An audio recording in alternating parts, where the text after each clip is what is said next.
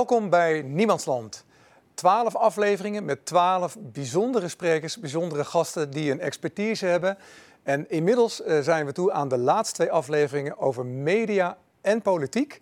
En uh, wat betreft deze onderwerpen is er natuurlijk veel gebeurd. We hebben twee zeer ervaren gasten deze keer om daar uh, ons over bij te praten. Ik ga even naar deze kant van de tafel. Hier zit Janneke Monshouwer. En aan de andere kant van de tafel zit Cees Hamelink.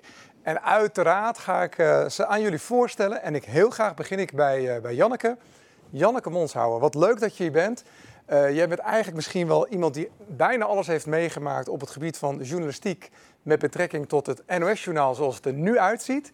Maar kan jij kort een beetje vertellen wie ben jij en wat heb je gedaan? Nico, in de eerste plaats dank je wel dat ik hier mag zitten. Dank je wel voor de uitnodiging. En uh, ja, ik ben Janneke Monshouwer en ik uh, had nooit gedacht dat ik bij de televisie zou gaan werken. Want toen ik geboren werd bestond het nog niet in Nederland. Um, maar ik kwam uh, op mijn 21ste, ik wilde niet studeren bij de televisie terecht, bij het journaal. En daar werd ik productieassistente. Maar het leek net of ik voor het werk geboren was. Want binnen 1, 2 jaar kon ik uh, en monteren en filmen en productie. En uh, nou ja, uh, ik vond het fantastisch dat vak. En eigenlijk omdat ik een, ja, een kunstenaarsgeest heb. Want ik heb ook kunstacademie nog daarnaast gedaan. Ehm, dat ja, beeld en geluid. Ik vind het fantastisch wat je daarmee kan doen. Dus ik begon bij het journaal en uh, na drie jaar toen ik uh, eigenlijk alles geleerd had en inhoudelijk uh, vond ik het niet prettig, ben ik gegaan naar Icon televisie, dat bestond toen nog. omdat ik wist dat je daar al, als vrouw, want het waren vaak mannen, weet je, ook meer kon leren. Dus dan kon je regisseur worden, je kon documentaires leren maken en dan je eigen programma's maken. Dat heb ik gedaan. Maar ik, ben, ik heb voor meer omroepen gewerkt en bij het journaal ben ik blijven invallen. Uh, eh, 30 jaar lang wel. Ja. Het is natuurlijk geweldig om, uh, dat je hier zit, hè, want dan heb je eigenlijk alles meegemaakt tot het journaal zoals het nu is. En daar gaan we het zeker uitgebreid over hebben. Uh, maar aan de andere kant gaan we eerst Cees ook voorstellen. Cees Hamelink, voor veel mensen geen onbekende, maar toch Cees, wil je even voorstellen. En kan je ook vertellen over het prachtige boek waarmee je bezig bent op dit moment? Dat boek gaat over mensenrechten en communicatie, de verhouding tussen die twee. En het thema is eigenlijk communicatieve rechtvaardigheid. Rechtvaardigheid betekent dat mensen tot hun recht komen. En waar het boek over gaat, is dat wij als mensen een unieke capaciteit hebben om met elkaar te communiceren. Op een hele empathische en hele indringende en hele speciale manier, sociale manier, coöperatieve manier. Er is geen enkel ander dier dat zo goed kan communiceren als, als onze soort. Maar dat moet wel tot zijn recht komen. En door de structuren die we hebben gecreëerd met elkaar en de manieren waarop we met communicatie omgaan, komt daar vaak niks van terecht. En ik vind het dus jammer als die unieke capaciteit teloor gaat. Vandaar dat ik daar graag een boek over wilde schrijven. En kan je nog iets meer vertellen, uh, Cees, want je hebt natuurlijk nog veel meer gedaan, maar kan je kort daar iets over vertellen? Nee, ik was eigenlijk een. Uh, het is wel grappig dat Janneke noemde Icon. In mijn tijd, toen ik daar pas kwam, heette het nog Icor. En toen jij er kwam, heette het waarschijnlijk al Nee, ook Icor. O, ook ja, ja. de omroep van de kerken. En ik kwam daar terecht omdat ik in 1965 een advertentie zag staan in de krant dat een radio-televisiemedewerker werd gevraagd bij Icor. En ik was toen in opleiding tot psychotherapeut deed klinische psychologie. En ik dacht, ja, ik ben te ambitieus. Dan kan ik misschien, zit ik met mensen in kleine kamertjes en bespreek ik hun problemen. En als ik een beetje mazzel heb, aan het einde van de week is er misschien één iemand bekeerd. Dat maakt dan een klein verschil in de wereld. Dus ik dacht, nee, ik moet naar de omroep. Want daar heb ik een miljoenen publiek. Dan kan ik echt de wereld toespreken en dan kunnen we echt wat veranderen. Dat is allemaal een beetje overdreven bedacht, maar wel leuk. Zo, kwam ik in de journalistiek terecht. Heb dat vijf, zes jaar gedaan. Werkte toen voor een jaar in Afrika als buitenlandcorrespondent. Was in die tijd van het ICON ook als buitenlandcorrespondent in het Midden-Oosten. Heb in Afrika gewerkt met de Voice of Kenya, de nationale omroep in, in Kenia. En ja, ben daar meer de wetenschap in, in gegaan. Maar heb altijd een, een beetje aan wat aan de journalistiek bijgedragen. Met name via het derde wereld persbureau Interpress Service. Uh, niemandsland, waar, waar, uh, waar, moet je dan aan denken? Cees, wat komt er bij, op, bij, jou op als je het hebt over niemandsland? David Baldacci, de thrillerschrijver, die heeft een prachtig boek geschreven over niemandsland. En ik ben een aanhanger van hem, vooral omdat ik heel veel in mijn leven heb gevlogen. En op lange vluchten las ik altijd graag een thriller. Dat is de beste manier om zo snel mogelijk, vooral wanneer die slecht geschreven was. Dat is de beste manier. Ik zei, ik zei ook altijd tegen de man op het, op het vliegveld, de op het vliegveld, mag ik een saai boek van u hebben? Wat goed verkocht wordt, want dan weet ik zeker dat ik zo snel mogelijk in slaap val. Dus Baldacci hoorde daarbij en een van zijn boeken was Niemandsland. Ik vind het wel een mooi begrip over. Het is wel leuk om daar ook nog eens over door te praten, misschien niet nu. Want bestaat dat eigenlijk wel, Niemandsland? Op onze, op onze planeet is natuurlijk eigenlijk alles al in bezit genomen. Ja. Zijn er nog niemandslanden? Alles is begrensd ook. En Janneke, waar moet jij aan denken als je het hebt over niemandsland? Ik heb daar geen beeld bij. Ik heb daar geen enkele idee bij zelfs. Nee. Nee. Nou, op een psychologische manier eigenlijk wel. Uh, dat is uh, zodra je, uh, ik tenminste, ik heb het over mezelf, buiten het gemeendenkende treedt en zelf onderzoek gaat doen en gaat opschrijven. dat is voor mij ook een niemandsland. Mensen, we hebben dus twee, uh, ja, uh, eigenlijk eh, twee enorme ervaringen aan tafel over, over de media. Daar gaan we het nu over hebben. En ik, het lijkt me heel erg geweldig om te beginnen met een hele mooie start. Want we hebben een quote uit onze documentaire COVID-19, The System. De grote teleurstelling is natuurlijk dat nu heel duidelijk werd dat we kritische media, ook in ons, in ons eigen land, eigenlijk niet meer hebben. Ik ben ervan geschrokken. Als burger, ik, ik had ook niet gedacht dat het zo ver zou gaan? Nou ja, ik, ik kom dus uit een generatie die in de 60 jaren journalistiek heeft bedreven. En dat was, was, een mooie tijd voor de journalistiek, want we waren buitengewoon kritisch en buitengewoon lastig. Maakten het die politici ook buitengewoon moeilijk. En dan zit ik nu naar de persconferenties te kijken van, eh, van die twee. En dan mogen er een paar vragen gesteld worden. En dan denk ik, zou je niet eens een kritische vraag stellen? Zou je niet eh, met een goede dossierkennis even doorvragen? Want ik vind altijd, en daar maakten wij een beetje een sport van in de 60 jaren. Als je s'avonds zeg maar, in zo'n, na het nieuwsprogramma een politicus ging interviewen, dan hoopte hij eigenlijk dat hij de hele dag een beetje onpasselijk was. Ja, ja, ja. Dat hij s ochtends al een beetje misselijk was, want hij dacht, ik weet niet wat er s'avonds gaat, gaat gebeuren. Ja, ja. Kritische vraag stellen. We zijn nu twee jaar verder. Hoe kijk je daar nu tegenaan? Je zou mogen verwachten, maar dan moet je een beetje idealistisch zijn en een beetje naïef zijn dat door al die ervaringen van de afgelopen twee jaar. En ook met de kennis van nu, nu we weten dat er zo ontzaglijk veel gelogen is en bedrogen is. En de grote industrie heeft dat uh, redelijk hoffelijk toegegeven, meer dan de politici. Dat we nu zouden denken, nou, dan is nu het moment aangebroken om echt met het gestrekte been erin te gaan. En hele kritische vragen te stellen. Maar dat zie ik nog steeds niet, uh, steeds niet gebeuren. Er worden wel kritische vragen gesteld. En er zijn nog wel een paar goede journalisten ook in de wereld. Maar in Nederland heb ik die nog niet gevonden. En zou dat komen, steeds omdat, uh, en natuurlijk, er is met name een narratief verteld over wat aan de hand is. Nu blijkt toch wel een beetje dat er steeds meer andere dingen boven water komen. Dat misschien mensen ook wel erg bang zijn, zich ingegraven hebben voor die waarheid die ze verkondigd hebben. Nou ja, dat is natuurlijk ook reuze onaangenaam. Je moet je even voorstellen dat je drie keer gevaccineerd en viermaal geboosterd bent. En dat iemand dan zegt, nou dat had je dus beter niet kunnen doen. Want heb je wel gekeken naar de oversterfte, dan heb je wel gekeken naar de, de mogelijke schadelijke neveneffecten. Ja, dat, is, dat wil natuurlijk helemaal niemand horen. Dus ik begrijp dat. Begrijp dat ook wel. En ons van het begin af aan, en daar valt de media eigenlijk misschien wel het meeste te verwijten. De media hebben zich mee laten nemen in een soort van opwekken van angst.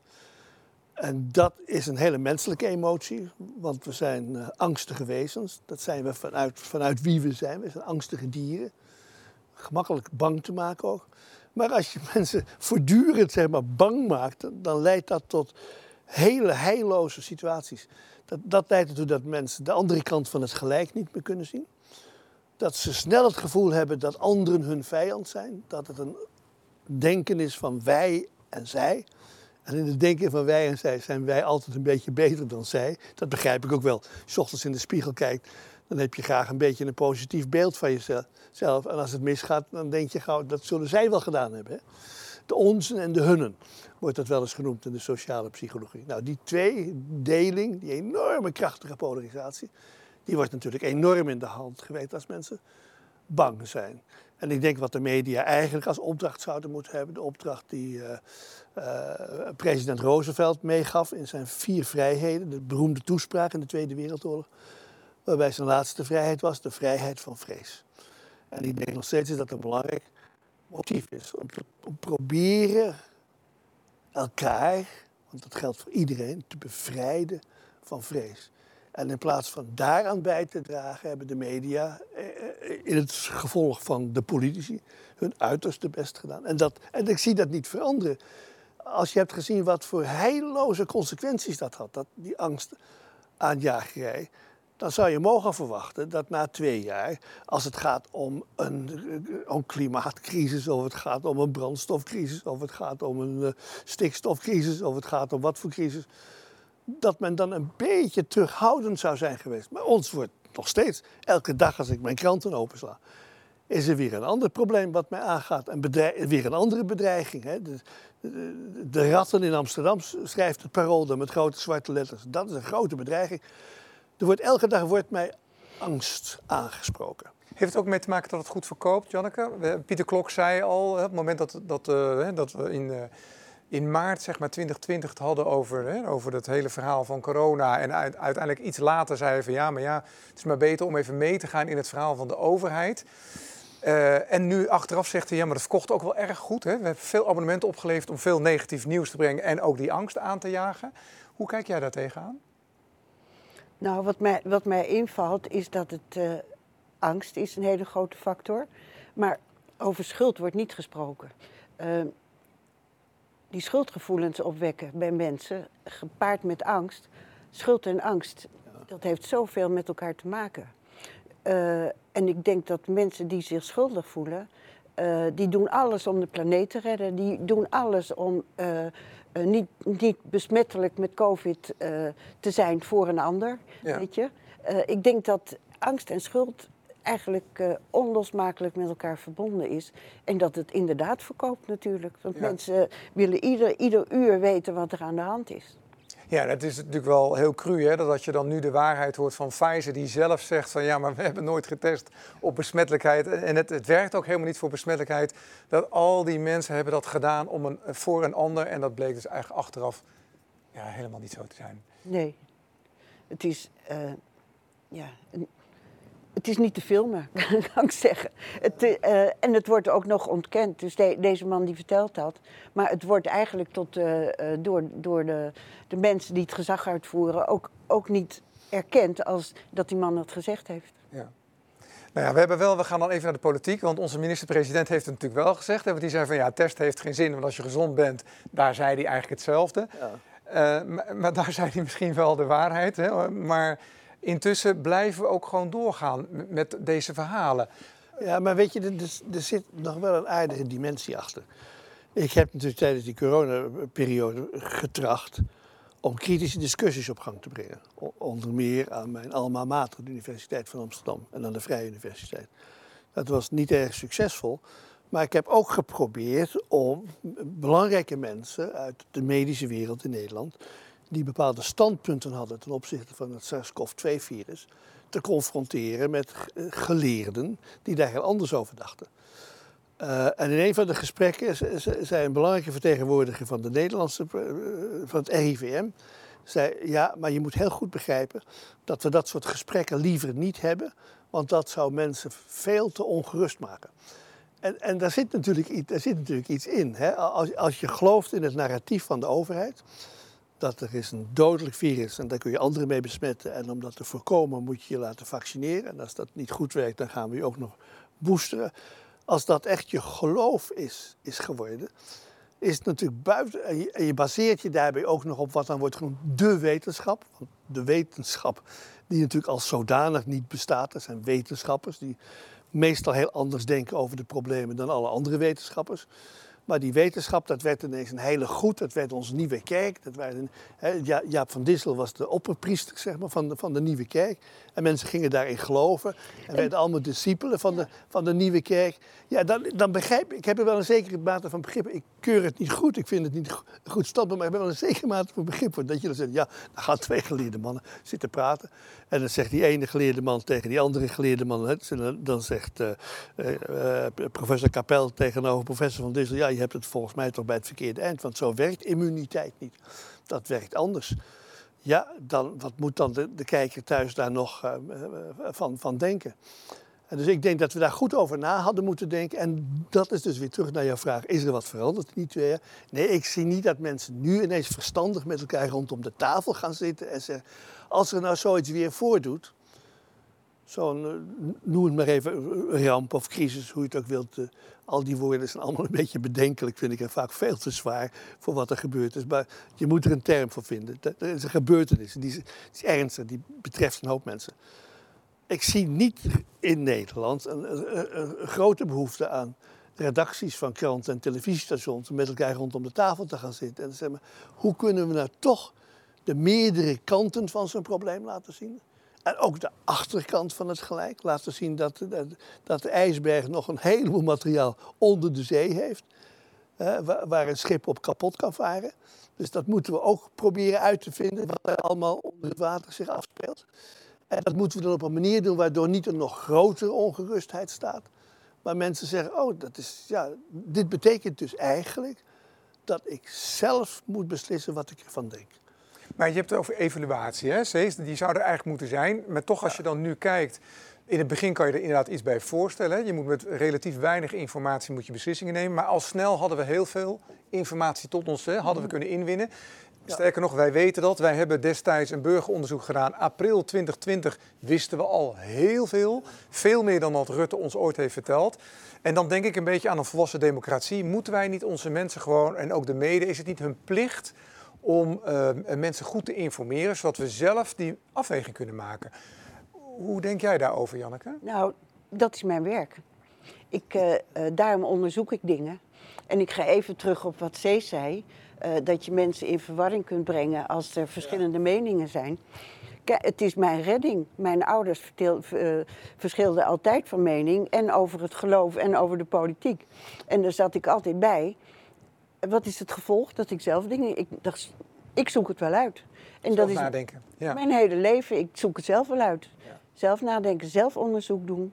Eh, ehm, en dat hebben jullie dus ook gedaan met het COVID-verhaal. dat je al veel meer wist dan, dan wat er verteld werd.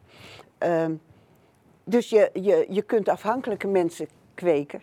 Maar je kunt ook mensen eh, stimuleren om zelf onderzoek te doen en na te denken. En daar moeten wij een beetje terug, want het hele onderwijs is daar niet meer op gebaseerd. Dat Nee. mensen zelf gaan onderzoeken. Eigenlijk moeten we dus allemaal gezinnen hebben waarin de ouders het voortdurend met elkaar oneens zijn. Nou ja, dat hoeft niet op die manier, maar, Maar- dat er inderdaad, ja precies. Die ouders die het steeds maar met elkaar eens zijn, vind ik gevaarlijk. Vind ik heel gek. Ja. Nou ja, dat, dat is wat, wat er gezegd wordt. Het feestje van de gelijkgestemden. Eh, ik weet nog goed dat, we, dat ik het daar met onze coronagezant over had, Fijke Siebesma. Die verkondigde dat ook. Als er iets gevaarlijk is, dan is het het feestje van de gelijkgestemden. Zei maar intussen gebeurde, ja, en het, intussen gebeurde het dus natuurlijk wel. Ja. Hij, is daar, hij, is, hij, is, eh, adviseer, hij zit volgens mij, hij is de raad van bestuur van het WEF, hè? van het World Economic Forum. Ja, en hij heeft natuurlijk als coronagezant, hè, dat laten we ook zien in, in de documentaire, heeft hij eh, ook wel duidelijk aangegeven hoe hij er eigenlijk echt over nadacht. Maar hij zei vanwege de politiek kan ik het niet zeggen. Eh, dus dat zegt al genoeg. Dus hè, dat hij over het feestje van de gelijkgestemden he- heeft hij aan meegedaan. Terwijl hij toch echt wel er anders over nadacht, hè, overdacht. Maar Nico, ik wil toch graag nog even terug naar wat Janneke net zegt. Over dat, die ouders die het met elkaar oneens waren. En dat je daar als kind dus van leert dat je begint af te vragen, maar hoe zit het nu? En dat je dan vervolgens onderzoeksjournalist wordt, zoals jij bent geworden. En je leven lang blijft afvragen, hoe zit het eigenlijk? Maar ik ben de enige uit het hele gezin hoor, Ja, ja. dus de anderen niet. Het is toch niet een echt model wat je. Maar wat, waar, waar, waar het mij wel bij aanspreekt, is omdat ik denk, kijk, ik zeg heel erg vaak, elke samenleving krijgt een zekere zin de media die het verdient.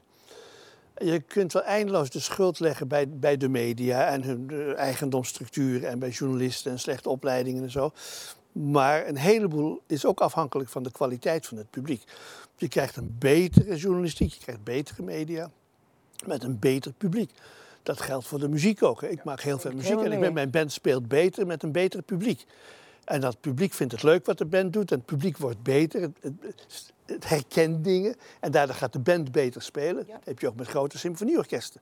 Die interactie is heel erg belangrijk. Dus je hebt in de samenleving ook een interactie nodig tussen een- de, de, de kritische burger, de burger die geleerd heeft om kritisch te denken, die ook kritische vragen durft te stellen en die daar niet bang voor is en daar niet onrustig van, van wordt en daarover in discussie durft te gaan.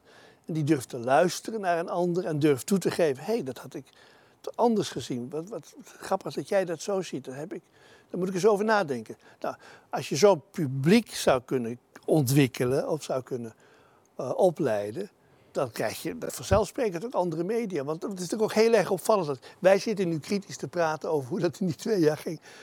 Maar, maar waar vonden die gesprekken eigenlijk elders plaats? Er waren toch geen grote. Er waren, er waren demonstraties tegen de coronamaatregelen. Maar ik heb niet massale miljoenen omvattende demonstraties gezien van burgers die zeiden: hé, hey, we, worden gewoon op zijn Amsterdams gezet, we worden belazerd. Ja. Dat, dat kan toch niet? Dat, is, dat hoeven we toch niet te pikken? Kunnen we niet beter geïnformeerd worden? Nou, die demonstraties heb ik niet gezien. En ik denk dat dat ook wel, daar moeten we misschien straks verder over praten, ook wel iets is om over na te denken. Hoe krijg je een kritisch mediapubliek? Maar jij hebt dat misschien zien gebeuren, Janneke. Hè? Want jij, jij hebt eigenlijk het journaal zien ontstaan, maar ook denk ik zien veranderen, toch? En wat is er dan zo anders gegaan in jou, eh, als je daar nu naar kijkt, als je terugkijkt? Het is veel zichtbaarder geworden. Het was altijd al. Ik denk dat het al bestond uh, met de boekdrukkunst, weet je. Uh, dat we uh, belazerd worden. En we, dat we altijd al onze hersens moeten gebruiken van wat is waar en wat is niet waar. Dus dat is heel persoonlijk ook. Um, maar het journaal, wat, wat in die tijd nog één keer per dag was. En op één net. Dus iedereen ging naar het journaal kijken. En het was nog niet lang na de oorlog. Um, dus het journaal was heilig. Um, maar wat, wat ik heb toen al uh, moeilijk vond, um, was dat, dat we werden allemaal één richting ingestuurd. Dus de, de, de hele berichtgeving was al één richting. Toen ook al dus? Ja. ja. En reken maar dat um, want toen was het begin van de Bilderberg-conferenties uh, om één Europa te krijgen. Het, het was het uh, begin van allemaal initiatieven die. Uh, dat één Europa bestaat nu. Er is nu een euro. Dus toen werd alles al naar dat globalisme gestuurd. De weg werd al geplaveid, zeg maar. Helemaal. En we hadden toen Prins Bernhard, die daar een grote, grote, grote voorstander van was. En, die, uh, uh, en de, uh, zelfs de eerste hoofdredacteur en de oprichter van het journaal, Karel Enklaar, die, die boog voor Prins Bernhard. Ja. En Willem Oltmans eigenlijk ook, toen een hele beroemde journalist. Um, maar ze hadden, die mensen hadden niet door um, dat dat van bovenaf werd gestuurd door, die kracht, door die kracht. Maar er zit een heel mooi systeem in. En dan gaan we dan even naar de quote kijken van jou, Cees. Uh, die jij toen in de docu ook al vertelde van ja, hoe zit het dan in elkaar? We kijken even naar de, de driehoek, waar, wat jij daar vertelt oh van uh, hoe dat eigenlijk werkt. Ik vind altijd dat je hebt een driehoek. De driehoek bestaat uit de kartels, die duidelijk definieerbaar zijn, waarvan je ook duidelijk weet waar het, waar het hen om gaat. Dan heb je de politieke besluitvormers en dan heb je de handlangers. De politieke besluitvormers zouden inderdaad het publiek belang moeten dienen. Dat was ooit ook de, de bedoeling van, van de politiek. Maar het hele politieke spel verloopt natuurlijk anders. Kijk, want politici functioneren natuurlijk het beste in dat grijze gebied. Waarin ze altijd kunnen claimen, ja, maar ik wist het niet helemaal. Dat heeft Rutte in het begin natuurlijk ook heel erg nadrukkelijk gedaan. Ja, we weten het nog niet ja, helemaal. 50 maar hij had maar, al, ja. maar nee, dat was toch allemaal flauw. Hij wist al veel meer, al vanaf begin januari wist hij al veel meer dan hij ooit heeft willen toegeven. Dus ik denk dat dat, maar dat is voor, voor een politicus is dat de beste manier om in die, die grijze tinten te verkeren. Dat is veilig, dan kun je nog alle kanten op. En dus dat is, niet, dat is de ene factor. En de andere factor is de, uh, het gebrek aan rationaliteit. Ja, Cees, wat jij hier vertelt, uh, uh, het wordt steeds zichtbaarder ook, hè, wat jij eigenlijk al verteld hebt daar. Ja, weet je, daar moeten we even over doorpraten. Maar ik wil toch ook nog even terug naar wat, wat, Janneke zei over de, dat journaal. En dat, ik ben het met haar eens dat het eigenlijk nooit anders is geweest. We denken altijd dat het nu ineens heel anders is en heel erg, veel erger is. Maar dat is natuurlijk dat is omdat we er misschien nu meer bij betrokken zijn. Maar die problemen zijn er altijd al geweest. Maar de grote zegening, dat wilde ik toch nog graag even gezegd hebben, van het NOS-journaal was dat wij aan de vakgroep communicatiewetenschap aan de Universiteit van Amsterdam, waar ik 30 jaar aan verbonden was, allerlei vormen van onderzoek deden. En een van, van de leukste onderzoekjes was... wat weten mensen eigenlijk nog van het NOS-journaal als ze ernaar gekeken hebben? En dat standaard kwam uit dat onderzoek hetzelfde resultaat. Nou, het enige wat mensen zich nog herinnerden was het weerbericht. Ja. En, de, en de rest was al heel snel, snel, snel verdwenen. Het, heeft, het, nieuws heeft natuurlijk ook een grote mate van vluchtigheid. En misschien is dat maar goed ook. Met alle invloed die het overigens ook heeft natuurlijk. Ja, maar ze herhalen wel, ze herhalen wel. Ja, ja, ja. En, en dat heeft natuurlijk op die manier toch wel een, wel een invloed. Maar goed, wij zeiden vroeger altijd achterkrant. Dan pak je de volgende dag de vis in. dat, hoef, dat hoef je niet zo serieus te nemen. Maar ik, ik vind wel dat, dat beeld van dat je, dat je een soort van driehoek hebt waarin je de grote bedrijven hebt. En de media zijn natuurlijk wereldwijd steeds meer grote uh, corporaties. Ja, want is dat niet anders, Cees? Dat je, als je nu kijkt naar wat jij hier vertelt hè, over de kartels en de macht. Hè, de, de machten worden steeds groter, de kartels worden steeds invloedrijker, denk ik. En als je kijkt naar uh, wat ze voor elkaar krijgen, de media is bijna niet meer onafhankelijk, ook in Nederland. Heel veel mensen weten dat niet, maar uh, eh, 90% is maar van twee grote miljonairs. En de rest is Belgen. Nog, ja, twee Belgen. En het is nog maar een heel klein beetje onafhankelijk. Onderzoeksjournalistiek is er bijna niet meer. Ik zeg misschien wat overdreven, maar het is er niet veel meer. We zijn vluchtig geworden en de Big Five, de tech, de grote tech-jongens. full Five. Ja, die hebben, ja, die hebben een enorme invloed. Hoe, hoe kijk je daar nu tegenaan? Want dat is toch ook wel een groot verschil met hoe het was, denk ik. Nou, in zekere zin niet. Ik herinner me dat een van mijn eerste boeken heette The Corporate Village. En dat ging over het gegeven dat we graag praten over de Global Village, het mondiale dorp. Marshall McLuhan, de Canadese mediafilosoof, heeft dat begrip gemunt. En ik zei niks. In een, we leven misschien wel in een dorp, maar het is in ieder geval een dorp dat beheerst wordt door grote corporations, transnationale ondernemingen. Vandaar de Corporate Village. Uh, en, uh, en dat model is eigenlijk gewoon, gewoon gebleven. Want je kunt wel zeggen, ja, die vijf grote techbedrijven die beheren een groot deel van verschillende markten. Maar dat is nooit anders geweest. Uh, het was ook al in de, in de 70 en 80 jaren zo dat op de wereldmarkt voor bijvoorbeeld films, op de wereldmarkt voor muziek, op de wereldmarkt voor nieuws, waren er nooit meer dan vier of vijf bedrijven. Dat had ook een hele eenvoudige economische achtergrond.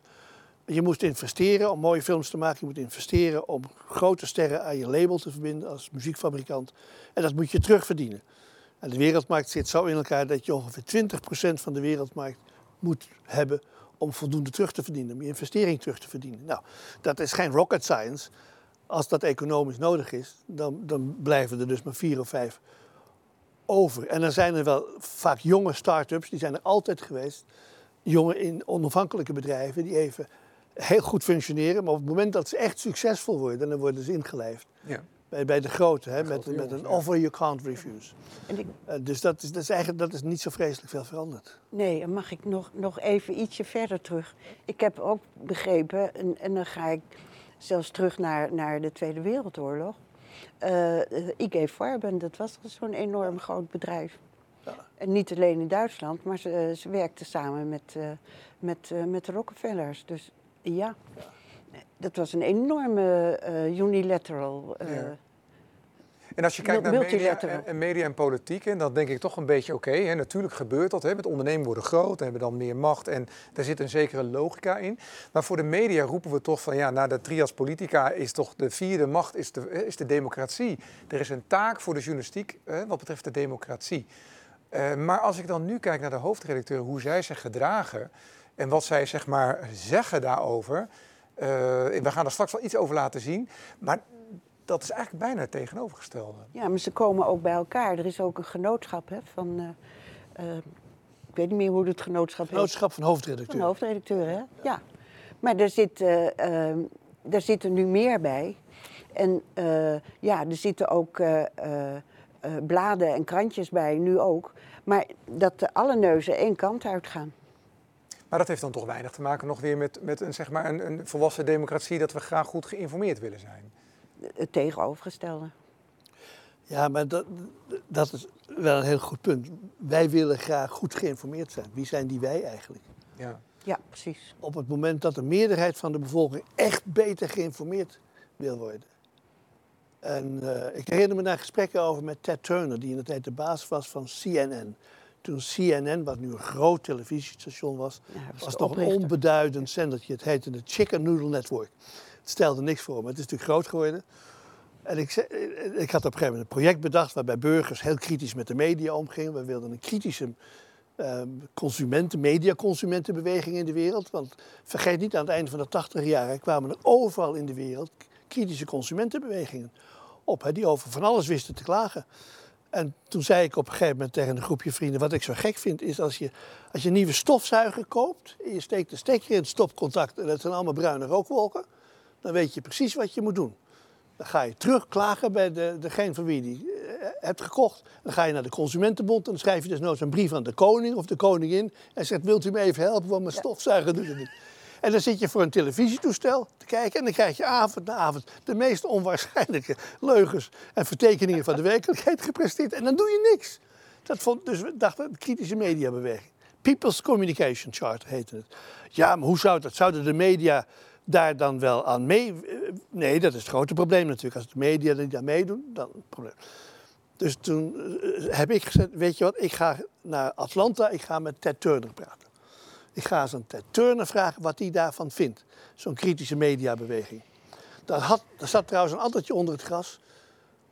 Want... Uh, ja, die vrouw. Die vrouw. die vrouw van, die vrouw van Ted Turner. Jane Fonda. Jane Fonda. En daar was ik stiekem een beetje verliefd op. Dus ik dacht, het gesprek met Ted aanvragen is een unieke kans om... Uh, contact te komen met, met Jane Fonda. Eh, wat, wat grappig was, trouwens, jaren later schreef een van mijn ex-studenten aan de UvA, die schreef een e-mail die zei, professor, dit is uw kans. Ted is gescheiden van Jane, dus sla toe. nou, dat is er nooit van gekomen. Maar Ted, Ted zei toen tegen me, kijk, je moet heel goed begrijpen, ik ben een zakenman. Als er een paar miljoen mensen het niet eens zijn met de manier waarop ik het nieuws breng, dan breng ik wat anders. Ik heb geen ideologische voorkeuren. Ik wil gewoon verkopen. Dus de, de kracht van grote groepen mensen die zeggen: we willen wat anders horen, we willen wat anders zien, is ongekend. En dat geldt in het algemeen, vind ik, voor de democratie. Dat mensen vaak onderschatten de enorme macht die we met elkaar hebben, maar die we niet gebruiken. Ja. Als we uh, misschien. Keuringsdienst van waarde, maar dan van dit. Ja. Nou, dat vind ik heel zinnig. Ja. Ja. We kunnen wel even een, eh, een, een stukje laten zien van, van uh, tot hoe ver dat dit kan leiden. Hè. ik, ik, ga even drie voorbeelden noemen van hoofdredacteuren. we hadden Pieter Klok, die vertelde al hè, meteen, nee, we moeten meegaan in het narratief. Hè, want, want dat is misschien wel het allerbeste. Terwijl ik dan denk, hé, hey, jij bent hoofdredacteur, is dit niet het moment om juist te gaan kijken, hè, vergaar die informatie en zoek het uit. nou ja, goed, we hebben dan een, een, heel leuk stukje gaan we straks laten zien van de hoofdredacteur van uh, het AD. Dat is Hans Nijenhuis. En uh, nou, ik, ik, ik, hoef denk ik niet te vertellen wat daar gebeurt. Dat, dat, mogen jullie even zelf beoordelen. En op dit moment is Kees van der Lanen die vertelt, uh, dat is de hoofdredacteur van Trouw, die vertelt zelfs nu op dit moment, ja, het beste voor de democratie zou zijn als we een aantal politieke partijen gaan verbieden dan vraag ik me bijna af welke democratie bedoelt hij dan eigenlijk. Maar laten we even kijken naar uh, hoe Hans Nijenhuis van het AD erin staat wat je met de media kan doen. Wat gaat er aan vooraf voordat je dat interview met een minister hebt of met een Kamerlid? Nou, er wordt, daar wordt wel veel over gesproken met elkaar. En de, dus politici zeggen wel eens van wij willen het wel, maar dan willen we wel op de voorpagina komen bijvoorbeeld. Dat is iets wat wij nooit uh, beloven. Heb je wel eens boze politieke partijen aan de telefoon die het niet eens zijn met het gewogen resultaat de volgende ochtend in een krant? Nee, de partijen zijn er eigenlijk heel uh, professioneel in, denk ik, als je dat zo mag noemen. Ik heb wel zelf een keer Rutte gemaild. Mag dat ook? Namelijk toen had hij een groot interview in de Telegraaf. En toen heb ik gezegd, je staat in de verkeerde krant. Je staat weer in een Amsterdamse krant. In een krant van Rancuneus Nederland. Uh, wij zijn de krant van heel Nederland. En de keer daarna stond hij bij ons. En deal je dan ook met partijen om tot zo'n moment te komen? Heb je een onderhandeling? Ontmoet je ze? Eh, bellen, een, uh, voorlichters, adviseurs? In een opwelling heb ik toen, eh, toen werd ik gebeld en in een opwelling heb ik wel gezegd: luister eens, we kunnen ook Wilders premier maken als je dat wilt. Hè? Dus je doet het via ons voortaan ja, misschien moet je dit niet onthullen, maar dit is wel een beetje hoe het gaat. Mijn belang is, ik heb bijna 1 miljoen lezers en ik wil dat zij die politici bij, bij hun in hun krant zien. En dat ze niet moeten horen dat ze ergens anders uh, staan. De boodschap van de politici wil ik zo goed mogelijk overbrengen. Daar hoef ik ze niet over door te zagen. Maar het moet wel bij ons. Ja, C. Janneke, ik wil heel graag jullie reactie vragen. Want dit is eigenlijk wat je net zei. Uh, ja, maar ik vind het enig. Kijk, zij bereiden een geweldige valkuil voor en hij donderde er meteen helemaal volledig in. En met een aanmatigendheid ten opzichte van zijn krant, de, de krant van Nederland. Ja. En wij maken politici, wij maken iemand uh, eerste minister. Dat is uh, buitengewoon onbehoorlijk. En dat mag je misschien niet onthullen, zei hij. Nee, dat had hij ook beter niet kunnen. Nee. Iets kunnen, want hij onthulde niet zoveel over de journalistieke praktijk, maar hij onthulde vooral wat over zijn eigen karakter. Ja. En de, ik hoop dat hij daar erg ongelukkig mee, uh, mee is. Maar wat ik ook merkwaardig vond om te zeggen dat uh, Rutte dan niet in de Telegraaf zou passen. Ik vind dat Rutte met een heleboel opmerkingen juist heel goed vaak in de Telegraaf past. Die vertegenwoordigt toch vaak ook een beetje het gedachtegoed van wat ik denk dat onder de lezers van de Telegraaf leeft. Toch een beetje een rechtsig, een beetje een neoliberaal, een beetje een populistisch sentiment. Ja. Maar het is geweldig aanmatigend. Ja. Wat, wat is jouw reactie, uh, Janneke? Nou, ik word er heel erg verdrietig van, voel ik. Ehm, en ook boos. Hij, uh, als ik het goed heb begrepen, uh, zegt hij toch dat het, ehm, als hij zou willen, dat het ook van hun afhangt of uh, Wilders premier wordt of Rutte. Heb ik goed begrepen? Ja, ja, ja. Nou, dan ga ik even terug naar CNN, als het mag. ik heb uitgezocht wat CNN allemaal deed in mijn onderzoek. Ehm, maar ze zijn eigenlijk opgericht uh, net voordat uh, Reagan en Bush uh, met hun campagne begonnen om, als presidentskandidaten. En zij hebben, CNN heeft ze zo gepromoot dat ze het inderdaad ook zijn geworden. Zullen de anderen ook gedaan hebben hoor. Maar maar wat mij opviel is dat het net daarvoor werd opgericht. Ik denk, hé, hey, moet je nou toch eens kijken. En daarna kwam de Golfoorlog en CNN was dus de grote die 24 uur per dag begon uit te zenden over de hele wereld. Ja. En uh, met die Golfoorlog, uh, nou, toen gingen mijn ogen open hoor. verdorie. Ja. ja. Ja. Omdat ze ook vrijwillig alles censuur van het Pentagon aanvaarden. Zij waren de eerste die zeiden: nee, als wij embedded moeten, dan doen we dat zo. Uh, ja, daarvoor is het denk ik opgericht, ja, Cees. Ja, ja. Daar, daar heeft de zakenman uh, uh, zich, zich aan gecommitteerd. Ja.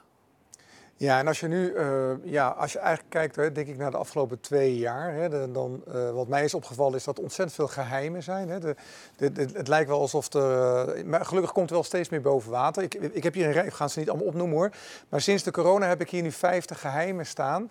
Uh, waarvan ik durf te zeggen, ik durf hier echt van uit te spreken dat er een aantal nog veel erger zijn dan de toeslagenaffaire.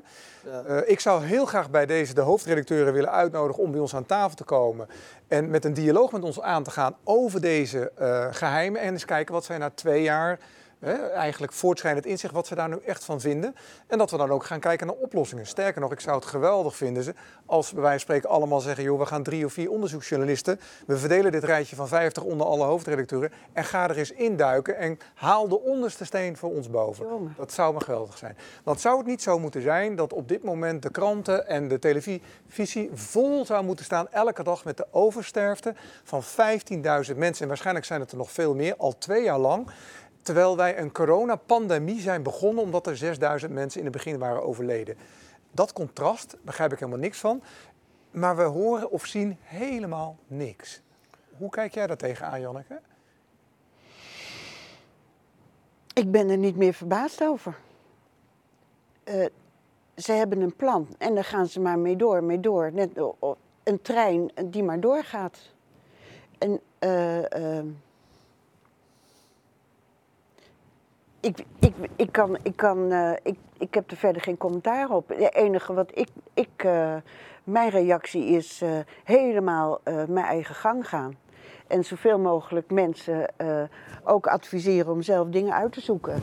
En hun eigen gang te gaan. En niet in de verkeerde trein te stappen die maar doordendert.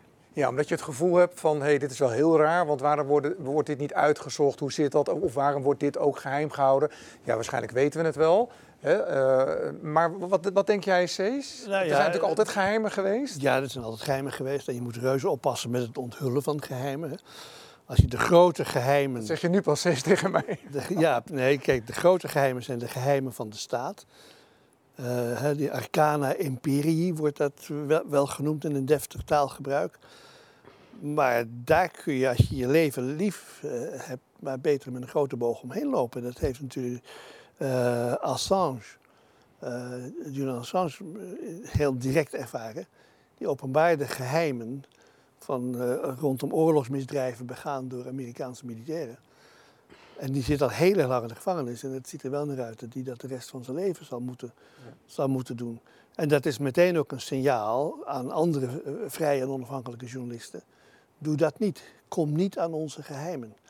Want dat kost je het einde van je, uh, kost je, je carrière.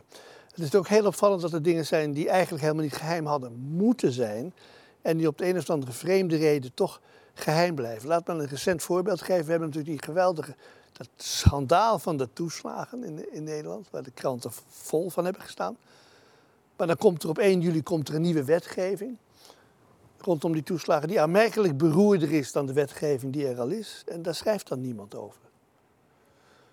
Ik was recent bij een gelegenheid waarbij de twee initiatiefnemers, de tweede Kamerleden van de SP en, en Pieter Omzicht, uh, zich daarover uitspraken. En wij begrijpen niet waarom er geen krant in Nederland is die daarover schrijft. Want nu wordt het nog veel beroerder en nog veel moeilijker voor die mensen die het slachtoffer zijn van die affaire. Ja.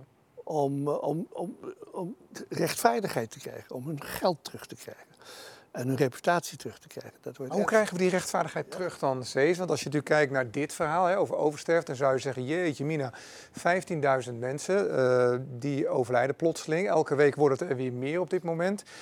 Uh, terwijl we weten natuurlijk dat de, de grote uh, farmaceuten wilden geen productaansprakelijkheid. We zien uh, wel degelijk correlatie met het vaccinatieverhaal. Uh, maar goed, uh, de overheid heeft natuurlijk deze uh, productaansprakelijkheid overgenomen. Dat betekent dat zij straks moeten betalen. Heeft het daarmee te maken dat, dat zij weten van, ja maar ho eens even, als dit, als dit echt op tafel komt, dan zijn wij dus de klos? Ja, enerzijds denk ik wel. Natuurlijk. maar aan de andere kant denk ik ook, als dit publiek bekend wordt van die oversterfte, dan wil nooit iemand meer een vaccinatie. Terwijl ze een heel vaccinatieprogramma hebben voor de komende jaren ook al. Het is al ingekocht. Ja. ja. ja. ja. Dus dat zal al die plannen in de war brengen. En daarom moet het geheim blijven. En de politici hebben zij zich al dusdanig ingegraven dat ze eigenlijk, want ze hebben natuurlijk met heel veel overtuiging gezegd. Uh, nou ja, als we Hugo de Jonge nemen, we gaan van wijk tot wijk, van arm tot arm, we weten jullie te vinden. En nu ineens, uh, dus toen wist hij eigenlijk uh, qua privacy precies waar je woonde. En nu gaan, gaan we onder het mom van uh, de privacy kunnen we niet schenden. Dus we gaan die, die, ja, die informatie kunnen we niet vrijgeven. We kunnen het niet onderzoeken, want de data wordt gewoon niet onderzocht. Is dat het ook, dat de politici zich hebben ingegaven dat, dat ze eigenlijk, ze kunnen er niet meer over spreken? Ze kunnen geen andere weg meer inslaan? Nou, ik had het net over die treinen. zij kunnen er niet meer af dat is de ellende. Als je er eenmaal in zit en je hebt je handen al vuil gemaakt, wat jij zei, en je bent geboosterd aan alle kanten, en, uh, uh, dan is het heel moeilijk om toe te geven dat je fout zat. Maar het is alleen maar heel moeilijk. Het betekent niet dat het niet kan. Dat is waar. Het, het, merkwaardig is, altijd wanneer een politicus zegt dat kan niet, dan moet je er altijd bij bedenken wat hij of zij eigenlijk zegt, ik wil het niet. Of ik kan het niet, ja. Ik, eh, want, dat, dat kunnen, dat is altijd maar een heel relatief begrip natuurlijk. Als je dat werkelijk zou willen, als je werkelijk in het openbaar zou willen zeggen... lieve mensen, we hebben het echt, het spijt ons vreselijk. Want dat doen we ook heel gemakkelijk in Nederland. Hè. We hebben een sorry-cultuur, dus we zeggen gewoon gemakkelijk... oh, dat spijt ons zeer. En dat kan ook helemaal geen kwaad, want niemand die sorry zegt in Nederland... wordt van zijn post verwijderd. Je zegt gewoon, ja, dat hebben we echt helemaal verkeerd gedaan. En nou, dan blijf je gewoon zitten. Dat is ook iets wonderlijks in de politiek. Dat past ook niet echt in een democratie natuurlijk eigenlijk. Hè. Je moet dan verantwoordelijkheid nemen voor je eigen handelen. Maar dat is voor, heel, voor veel politici kennelijk toch net een straatje te ver... om verantwoordelijkheid te nemen voor dingen die fout gaan. Maar dat is een heel bekend uh, verschijnsel. Wij doen dat niet graag. En dat hangt ook een beetje samen met wie wij zijn als, als mensen. De historica Barbara Tuckman heeft daar ooit een prachtig boekje over geschreven. De Marge der Dwazen. Wij lopen als dwazen door de geschiedenis heen. En we maken steeds weer dezelfde fout. fout ja. En we zijn niet erg bereid om daarop terug te kijken op die fout en dan te zeggen laten we het eens anders doen. Er zijn heel weinig mensen die een beslissing nemen, een koers inzetten en dan ontdekken dat het niet goed gaat. En die bereid zijn om halverwege terug te keren op hun schreden. En dat is op een andere manier te proberen. Dat moeten we echt leren. Dat is een vorm van, van moreel bewustzijn en morele uh, maturity, rijpheid, volwassenheid. Ik denk dat het erg belangrijk is weer terug naar de rol van het publiek.